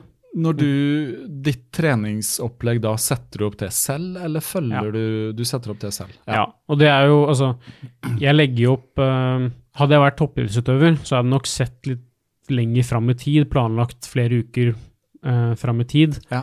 Eh, men sånn som min hverdag er nå, så må jeg ta uke for uke. Mm. Da er det veldig greit å legge det opp sjøl. Mm. så jeg, jeg ser for meg det er kanskje to eller kanskje tre økter i uka som er viktig for meg, altså viktig i gåsehudene, å få Mm. gjennomført. Mm. Da ser jeg hvilke tidspunkt i kalenderen det passer å gjøre de på, -hmm. plotter inn de, og så bygger jeg egentlig resten av uka rundt det. Ja. Så, ja. Hvis jeg får inn de to-tre nøkkeløktene, så kan den uka være ganske god. Mm. Og så får jeg liksom spe på med litt sånn annen type trening utenom det, da. Ja. Um, så ja, jeg, jeg lager det opplegget sjøl. Men det Kanskje skulle jeg tatt uh, Hvis jeg skulle tatt løpinga til neste steg, så hadde det vært hensiktsmessig å fått litt mer hjelp til å strukturere det også. ja. Mm. Over lengre tid, rett og slett. Ja. Ja. For du ser jo de på elitenivå um, de, de tenker ganske langt. Altså Det er halvtårsperspektiver for det meste. da. Mhm. Og så selvfølgelig så går du inn og endrer underveis, Ja. men at du har liksom en langsiktig plan. En ting jeg kommer på nå. Uh, hvor viktig er styrke, ren styrketrening for uh, maraton? Det er jo også Uh, Fra min side så kan jo det bli veldig synsebasert. Altså, og så har jeg bakgrunn fra fotball, da, så jeg har liksom litt generell styrke der. Mm. Uh, men det kan være veldig individuelt hvor mye styrke du burde trene, eller trenger å trene. Mm. Men eh, jeg tror nok veldig mange har eh, glede av det sånn med tanke på skadeforebygging. Da. Mm. Kanskje det også å få litt styrke i beina for å få et mer eh, effektivt eh, steg. Mm. Men eh, for min egen del så handler det liksom om at jeg, jeg har satt av de timene til trening, Mm. og kanskje ofte at jeg, at jeg føler jeg får mer ut av en løpetur enn, enn å trene styrke, og fordi det er ofte det jeg syns er morsommere òg, å Mm. løpe en tur. Mm. Så hadde jeg hatt mer tid, så hadde jeg trent mer styrke, for jeg tror det er ganske viktig. Ja. Absolutt. Uh, men det handler om prioritering, Mm. og hva du har muligheten til og anledning til. Ja. Men har du anledning til å, til å trene litt styrke, så, så vil jeg absolutt anbefale det. Og det trenger ikke være Altså, lite grann er mye, mer enn ingen, altså mye bedre enn ingenting. Mm. Uh, men selvfølgelig, du kan, få, du kan få styrketrening av å løpe noen bakkesprinter. Kan det. Du kan få, du kan få litt styrketrening av å, ta tåhev mens du pusser tennene. Ja. Så, Jeg begynte med det når jeg husker det. ikke sant? Ja. Men sånne, noen sånne Ja. småting, mye mer enn ingenting. Ja. Mm. Jeg har eh, blant annet en sånn, jeg har en sånn åtte, kilos kettlebell som jeg slenger den eh, Jeg husker ikke hva den økta heter. eh, det står stille for meg nå. Men bare, det er som en knebøy, da, hvor du slenger kettlebellen foran deg, og bare 20 ganger 3 sånne. Så kjenner jeg effekten på lårmuskulaturen. For, eh, for min egen del personlig så tror jeg at å få litt mer styrke i låra skal jeg prioritere for mitt neste maraton. For jeg kjente det, det, det er der det stoppa litt, altså. På eh, hofter, da. Mm. Så Men eh, jeg vil anbefale alle, for det gjør jeg innimellom. Bare sprett opp fra kontorstolen og gjør noen utfall og ta noen knebøy og litt sånn sideutfall og sånn. Jeg pleier også å bruke det på dynamisk oppvarming. jeg. Bare litt utfall. Ut til siden og bak og sånn. Bare kjenne, få i gang muskulaturen. Også. det tar jo ikke mer enn fem minutter før det begynner. Nei. En liten kjernestyrkeøkt på kjøkkengulvet hjemme eller stuegulvet hjemme kan ta, tok jeg i går. 20 minutter ca. Ja. Men det er kjedelig, da. Det kan være litt kjedelig. Det litt Så- sånn, ja. For mange så kan det være lettere kanskje også å legge det inn i en løpetur. da. Mm. Så det her, altså Det ser kanskje finere ut på Strava hvis du løper i en flat sløyfe og får en veldig fin gjennomsnittstid, Ja. en rask, en Ja. rask løype. Men hvis du løper i en litt mer kupert sløyfe, så får du også litt naturlig styrketrening underveis. Mm. Det kan være lurt å tenke på. Litt morsomt nevner jeg hvordan det ser ut på Strava, for at vi må jo kunne si at det er ikke viktig hvordan treningsøktene ser ut på Strava. Hvis du skal smykke deg med noe, så er jo den der maratontiden, eller når du merker det som et race, da. Jeg tenker det at noen ganger så merker jeg at det blir sånn dumskap, og kommer til et lyskryss, og stopper jeg klokka fordi at Nei, ikke faen om snittiden min skal opp fordi at jeg står stille nå, mens andre ganger så tar jeg meg i det og tenker nå må du bare skjerpe deg, liksom. For at om det står 5.48 eller 6.02 på den 8-10 km løp, da er det viktig, liksom. Nei, det er jo ikke det. Jeg tror ikke andre egentlig heller bryr seg. Jeg tror vi blir litt for opptatt av det eh, rett og slett selv, også, hvordan det ser ut med de tallene og sånn. Så, så da er det ja. Det gjelder å bruke det på riktig måte, fordi man kan jo finne motivasjon i det å bruke Strava. Og Å ja, det, det gjør jeg sjøl òg. Helt enig. helt Ja. enig. Har du, skal du gjøre en 1000-metersøkt, og så har du planer om å løpe åtte drag, Mm. så øh, kommer du til drag seks, det blir tøft, Mm. og så gjennomfører du sjuende draget. Du kan ikke legge ut en økt på Australia der det står 7 ganger 1000. Nei. Du må opp på et partall, ikke sant.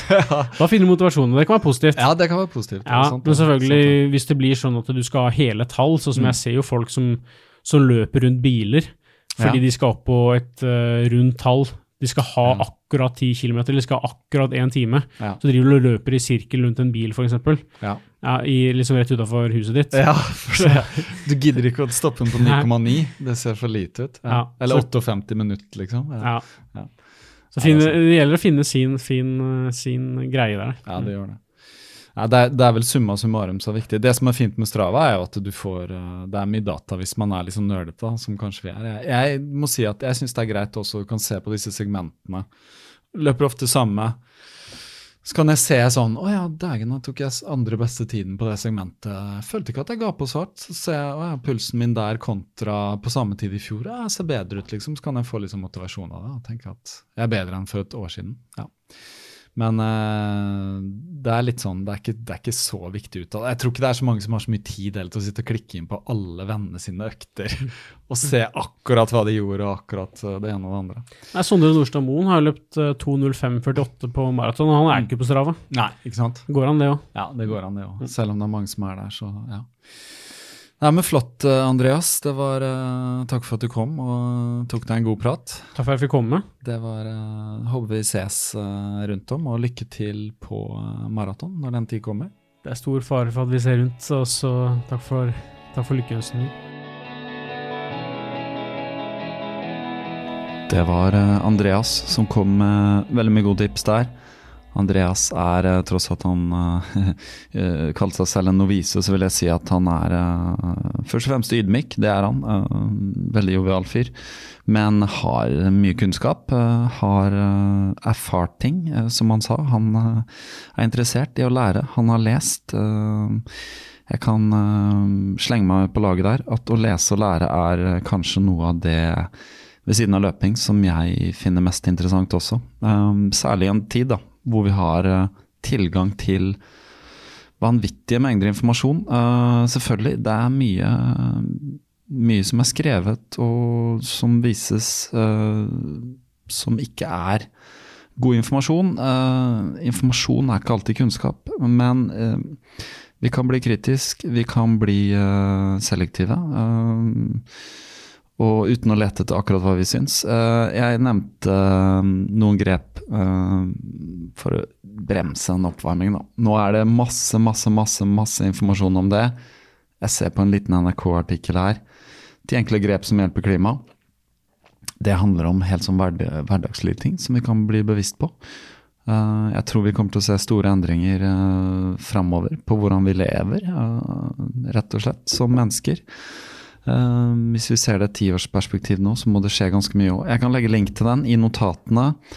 Hvis du går inn på, på websiden til podkasten, eller du går inn på uh, podkastepisoden i den uh, spilleren du bruker, så ligger du alltid litt tekst. Der ligger en del klikkbare linker og sånn, som jeg legger ut.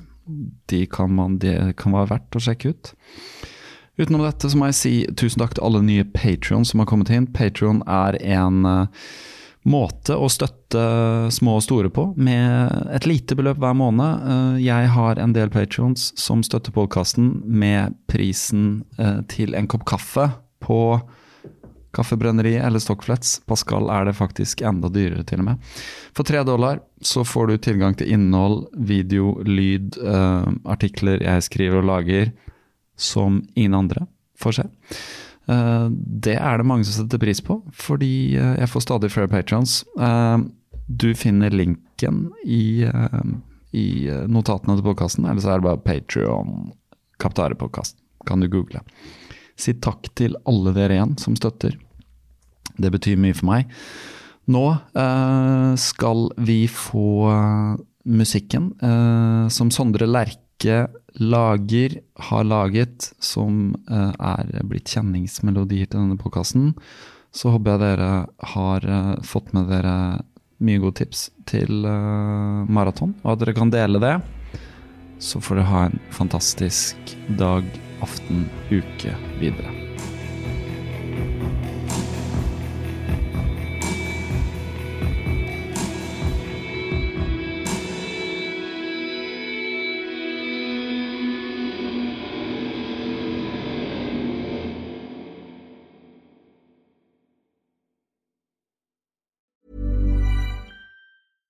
Ever catch yourself eating the same flavorless dinner three days in a row? Dreaming of something better? Well, HelloFresh is your guilt-free dream come true, baby. It's me, Kiki Palmer. Let's wake up those taste buds with hot, juicy pecan-crusted chicken or garlic butter shrimp scampi. Mm. Hello Fresh. Stop dreaming of all the delicious possibilities and dig in at HelloFresh.com. Let's get this dinner party started. Planning for your next trip? Elevate your travel style with Quince. Quince has all the jet setting essentials you'll want for your next getaway, like European linen, premium luggage options, buttery soft Italian leather bags, and so much more. And is all priced at 50 to 80% less than similar brands. Plus, Quince only works with factories that use safe and ethical manufacturing practices. Pack your bags with high-quality essentials you'll be wearing for vacations to come with Quince. Go to quince.com/pack for free shipping and 365-day returns. Imagine the softest sheets you've ever felt. Now imagine them getting even softer over time. That's what you'll feel with Bowl and Branch's organic cotton sheets. In a recent customer survey, 96% replied that Bowl and Branch sheets get softer with every wash. Start getting your best night's sleep in these sheets that get softer and softer for years to come. Try their sheets with a 30-night guarantee. Plus, get 15% off your first order at bowlandbranch.com. Code BUTTERY. Exclusions apply. See site for details.